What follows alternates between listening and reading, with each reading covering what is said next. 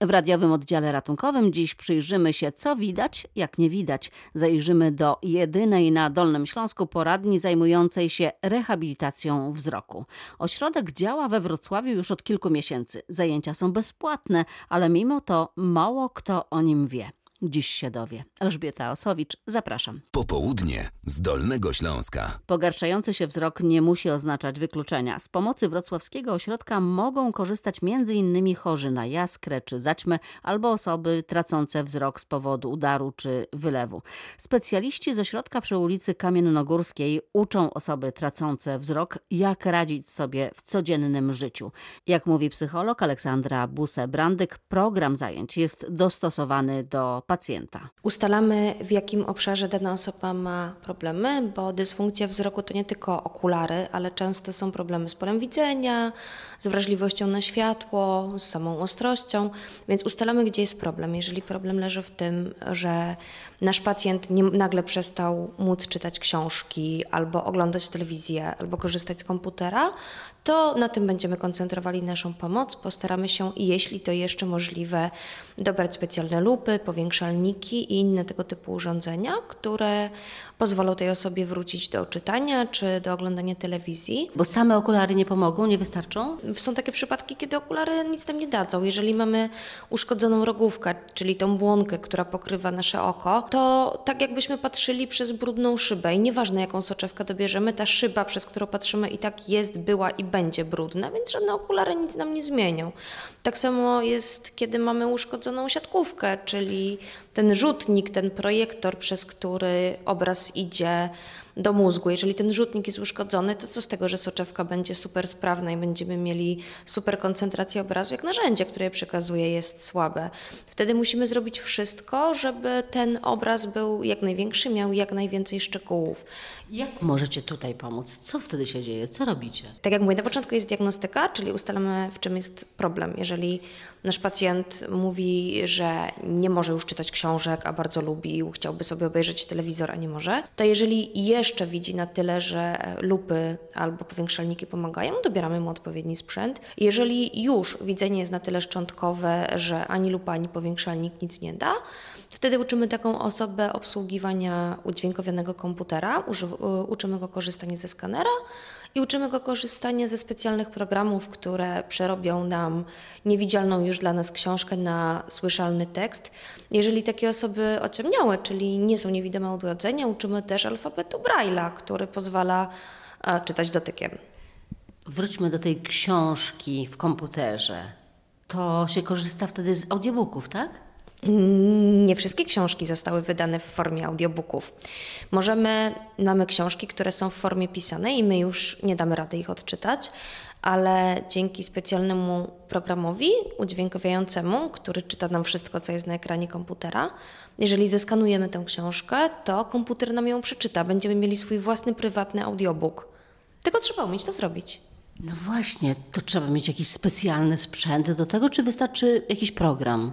Zainstalować? E, wystarczy zainstalować program, który jest bezpłatny na otwartej licencji i wystarczy się nauczyć go obsługiwać, co wbrew pozorom nie jest takie strasznie trudne. Na zajęcia do ośrodka przy Kamiennogórskiej przychodzi m.in. Janina Kachane, która coraz gorzej widzi z powodu plamki żółtej. No ja mam problem z oczami, dosłownie już około 20 lat się leczę. W międzyczasie jeszcze się przyplątała zaćma, jak z widzeniem? Jak pani widzi? No zależy, różnie to. Mam już, najgorszy problem to jest z czytaniem. Już nie mogę książek czytać. Ja kiedyś połykałam dosłownie książki, jak to się mówi. No a teraz to tylko z krzyżówkami. Też mam problem, bo już używam lupę, żeby coś, nawet program, program przeczytać, no z prasy, bo sobie kupuję. To muszę lupę już przykładać. Jest z tym problem. A tak na odległość widzi pani? Na odległość to tak jeszcze z tym, że twarzy to już y, nie poznam. Tylko po sylwetce, ewentualnie po głosie, jak się kto odezwie. No, czasami jestem skrępowana, bo ja idę na wprost i mówi, co nie poznajesz? No albo też y, zawsze mi się teraz pierwsi kłaniają. Czasami osoba jakaś, co ja powinnam się ukłonić, no to, no ale już moi dobrzy znajomi to wiedzą, jak sprawa stoi. Co pani robi tutaj w przychodni? Mam problem z rozpoznawaniem monet, to mi, mi powiedziano w jaki sposób. Jak? No i na przykład pięciozłotówka te brzegi ma takie chropowate, tak się paznokciem dotyka. Złotówka jest gładka, a dwuzłotówka, nie, dwuzłotówka gładka, a złotówka jest co, co jakiś czas chropowate albo gładkie. I to jest bardzo wspaniała rzecz, bo nie muszę w sklepie tak przykładać, tylko sobie pomacam. No także myślę, że mi coś to da. No jeszcze też pani pytała, jak tam z, z naczyniami, z rozlewaniem. Mówię, właśnie mi się zaczyna rozlewać trochę, mówię, nie trafię, bo nie do środka, jak wylewam z czajnika na herbatę czy coś do szklanki, to no ale już właśnie dzisiaj mi pani powie w jaki sposób. A jak sobie pani radzi w mieście, w ruchu miejskim, na przejściach, e, samochody, w autobusie? No to patrzę na światła, jak nie jestem tak pewna, to bo zależy jaka, jakie światło jest, jaka pora. No wieczorami to jest problem już. No ale jak gdzieś idę coś załatwiać tak do urzędów, to muszę kogoś z rodziny prosić i wtedy tam mi pomagają, przeczytają, powiedzą o co chodzi, a ja ja jeszcze podpisać to podpiszę. Krzywo, ale podpiszę się. Jakoś pani próbuje sobie radzić. No muszę, no muszę, no jeszcze tym bardziej, że jestem sama. Popołudnie z Dolnego Śląska w Radiu Wrocław. Dlaczego warto skorzystać z pomocy ośrodka rehabilitacji wzroku i z jakich zajęć można skorzystać w przychodni przy Kamiennogórskiej? Czasem mamy tak, że osoba, która traci wzrok, przestaje mieć możliwość wychodzenia z domu, bo nie widzi schodów, nie widzi już krawężników, nie widzi słupków, no i nie widzi samochodów, a jeżeli nie była uczona namierzania przeszkód na słuch, to ma problem. Wtedy taka osoba jest kierowana do instruktora orientacji przestrzennej, który uczy taką osobę poruszania się w sposób dla siebie bezpieczny, czyli przede wszystkim chodzenie z białą laską. Dobieramy tutaj laskę, możemy zaopatrzyć taką osobę w laskę i uczymy chodzić taką osobę z laską, tak żeby nie spadała ze schodów, nie wchodziła w innych ludzi, nie wpadała na krawężniki. Uczymy ją też korzystania z komunikacji miejskiej, tak żeby wsiadła we właściwy autobus czy tramwaj. Niewiele się teraz widzi w mieście osób z białą laską.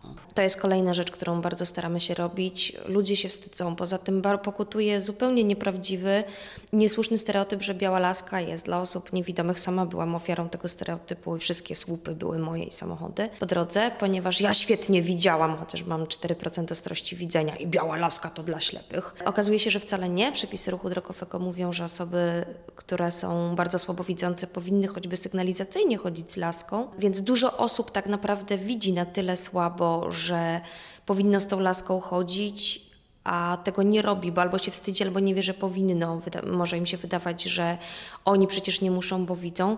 I tutaj jest apel do ludzi, jeżeli idziecie ulicą, a ktoś idzie niepewnie, odbija się od słupów albo wychodzi na ulicę w miejscu zupełnie do tego niepowołanym, wcale nie musi być pijany czy pod wpływem narkotyków. Warto podejść i zapytać taką osobę, czy nie ma przypadkiem problemów ze wzrokiem, bo takie przypadki się zdarzają. Wiem, bo byłam jednym z takich przypadków. Jedno to wyjście bez laski, które może być niebezpieczne, a druga wersja, czy drugie rozwiązanie, które też jest słabym rozwiązaniem, to siedzenie w domu. Tak, i to robi bardzo wiele osób. Uważa, że już nic się nie da zrobić, że, no, że to już koniec. I ja spotkałam się z wieloma takimi osobami.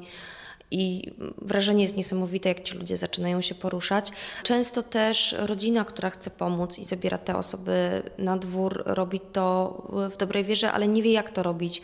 Ja sama po prostu byłam świadkiem karkołomnych wyczynów, jak to ktoś prowadził niewidomego, pchając go na przykład przed sobą jak worek kartofli. I my też uczymy rodzinę, czy też najbliższe otoczenie, jak dobrze prowadzić osobę niewidomą, czy słabowidzącą i wspierać je- jej samodzielność. A jak już przy samodzielności jesteśmy, to jest jeszcze trzeci bardzo ważny obszar, w którym pracujemy z ludźmi. Łatwo sobie wyobrazić, że jak przestajemy widzieć, to nagle zrobienie herbaty staje się problemem, no bo ja nie widzę wrzątku, który wlewam do szklanki, w najlepszym razie w rozleję, w najgorszym się poparzę. Problem zaczyna się robić z gotowaniem, z ubieraniem się, no bo jeżeli mamy skarpetki z wzorkiem, to ja już nie widzę, które są to pary, które nie. I to są też rzeczy, które można robić zupełnie bezwzrokowo i tego też tutaj uczymy. Przestawiamy się na techniki bezwzrokowe, bo niewidomi gotują, szyją, piorą, prasują, ubierają się i wykonują wszystkie życiowe czynności, tylko trzeba wiedzieć jak. Przecież się nie da. Nie widzę, to się nie da. Da się? Oczywiście, że się da, wszystko się da. Trzeba pamiętać, że tak naprawdę nie mamy nic do stracenia, bo kiedy świat nam się kończy, nie możemy zrobić sobie herbaty, ugotować zupy, ani spotkać się z przyjaciółmi, to tak naprawdę straciliśmy wszystko, więc już nie możemy stracić. Zawsze warto spróbować, a pomóc się naprawdę da. Myślę, że każdy z nas widział kiedyś gdzieś osobę niewidomą. Oni żyją. My żyjemy i potrafimy korzystać z życia, wy też możecie. Proszę podpowiedzieć, jak nalać wrzątek, zalać sobie herbaty, kiedy rzeczywiście nie widzę tego, albo widzę słabo. W przypadku chłodnej wody albo soku sprawa jest prosta. Opieramy sobie palec o brzeg kubka, myjemy rączki, wkładamy palec do poziomu, do którego chcemy nalać chłodny napój i jest po problemie. W przypadku gorącej wody albo gorącej zupy i misek genialnie sprawdza się urządzenie, które nazywamy czujnikiem poziomu cieczy. To jest maleńkie urządzonko, które kosztuje około 30-40 zł. Jeżeli ciecz dojdzie do poziomu alarmowego, to czujnik wydaje dźwięk. Wspomniała Pani także o szyciu. Jak można szyć, nie przyszywając sobie palca do sukienki? Problem pojawia się wcześniej. Trzeba nawlec igłę. Są specjalne igły, z których osoby niewidome i słabowidzące mogą korzystać. A jak e, uszyć coś, żeby nie przyszyć siebie do ubrania, to dowie się każdy, kto tutaj przyjdzie i skorzysta z naszych zajęć czynności dnia codziennego. Dzień codzienny w domu to jedno, ale ch- chyba, czy rzeczywiście najtrudniejsze jest to wyjście poza dom? Dla wielu osób tak. To też zależy od wieku i od momentu, w którym straciło się wzrok. Najtrudniej mają osoby ociemniałe, czyli osoby, które straciły wzrok nagle, wypadek, udar, wylew, albo mamy sobie jaskrę, i która się rozwija bezobjawowo i ona na przykład nagle w ciągu tygodnia przestajemy widzieć, bo bardzo wysokie ciśnienie niszczy nam nerw wzrokowy. Te osoby mają najtrudniej i bardzo często problem z wyjściem z domu wiąże się nie tylko z tym, że ja przestaję widzieć i nie wiem jak, ale też z depresją, ze wstydem. Tutaj też dochodzi wiele problemów społecznych, na przykład, dobra, odważę się, wyjdę z domu, zczołgam się z tych schodów i przez pierwsze trzy kroki usłyszę 10 komentarzy, patrz, pijaczka idzie, a potem zostanę obgadana przez sąsiadów, że nie powiedziałam im dzień dobry. Więc nawet jeżeli ludzie na początku przełamują się jakimś heroicznym wysiłkiem i próbują to zrobić, najczęściej konsekwencje są negatywne i to ich bardzo zraża. Także z tym jest, z tym jest dość duży problem, w zasadzie chyba największy. Problem wiąże się też z tym, żeby przełamać ludzi do białej laski i to jest moje zadanie jako psychologa i sama wiem, że to jest chyba najtrudniejsze zadanie, jakie stoi przed osobą słabowidzącą, żeby się do tej laski przekonać. Pani widzi mnie? Szczątkowo. Znaczy taka urocza plama e, kolorowa, bardzo.